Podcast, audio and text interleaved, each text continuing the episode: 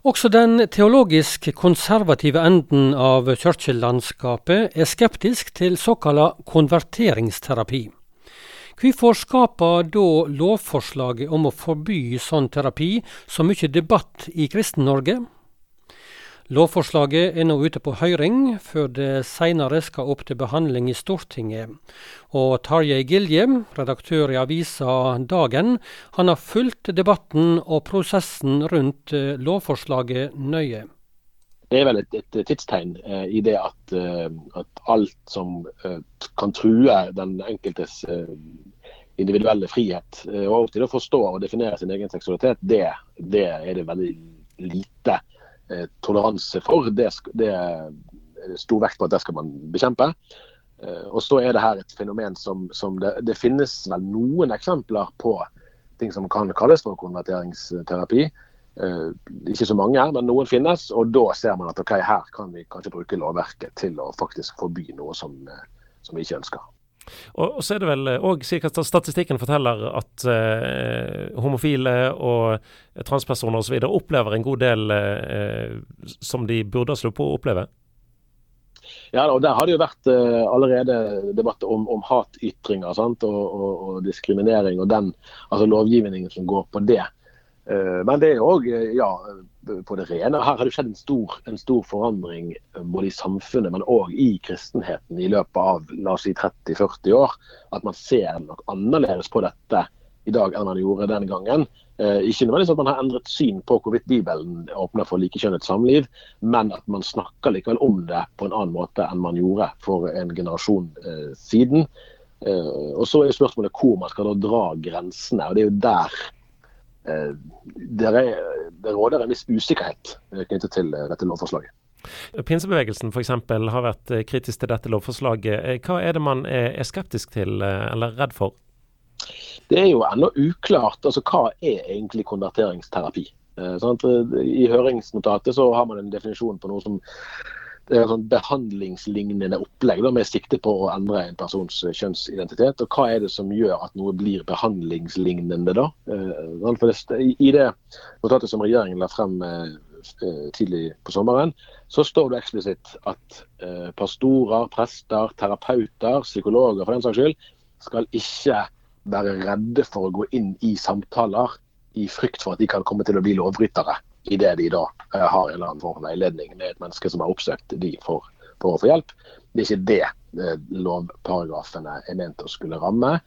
Eh, men så har jo det kommet politiske signaler fra, fra Abid Raja, fra venstresiden ikke minst. at Det er jo det som kanskje kan bli ekstra interessant at nå når det har kommet et nytt flertall på Stortinget, kanskje de vil lage en strengere forståelse til grunn, legge en strengere forståelse til grunn, der de vil si at ja, men vi vil i grunnen gå lenger i retning av å forby òg det som, som, da blir omtalt her i det som jeg siterte i sted.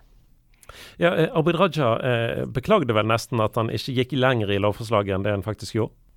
Ja, Det gjorde litt inntrykk på meg å lese det i notatet som regjeringen la frem. At man ikke hver dag du hører statsråder nærmest beklage at menneskerettighetene står i veien for at man fra Norges side får gjennomført den politikken man egentlig vil. Det syns jeg bør være et litt sånn seriøst eh, tankekors. da. Men, men, kan det bli sånn at uh, eh, f.eks. at en, en, pastor får besøk av en ung person som, uh, som, strever med sin seksuelle identitet? Vil det da bli problematisk for denne pastoren å, å anbefale uh, en konservativ forståelse av hva Bibelen sier om disse tingene? Ja, det er jo der det blir interessant å se hvis denne loven blir vedtatt. Det, den skjelningen mellom det lovverket eventuelt eksplisitt forbyr, og frykten for å komme i nærkontakt med det. Sånn det kan være at pastoren tenker at det som jeg ville sagt til dette mennesket, egentlig er lovlig, men jeg tør ikke fordi jeg er redd for å bli likevel da, rammet av et, eh, et forbud. Eh, og her, her, er vi jo inne på veldig altså Dette er jo et, eh, et alvorlig felt på den måten at hvor er det staten har noe den skulle sagt hvis staten skal inn i sjelesorgrommet og regulere hva det er lov å si der? Da er det jo andre friheter som, som virkelig eh, er utfordret. da.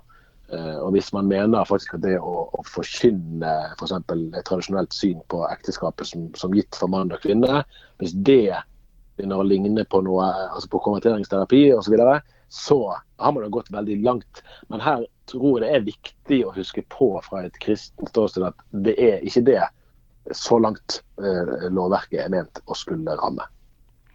Ja, Betyr det at du er ikke så bekymret for eh, hva som blir utfallet her?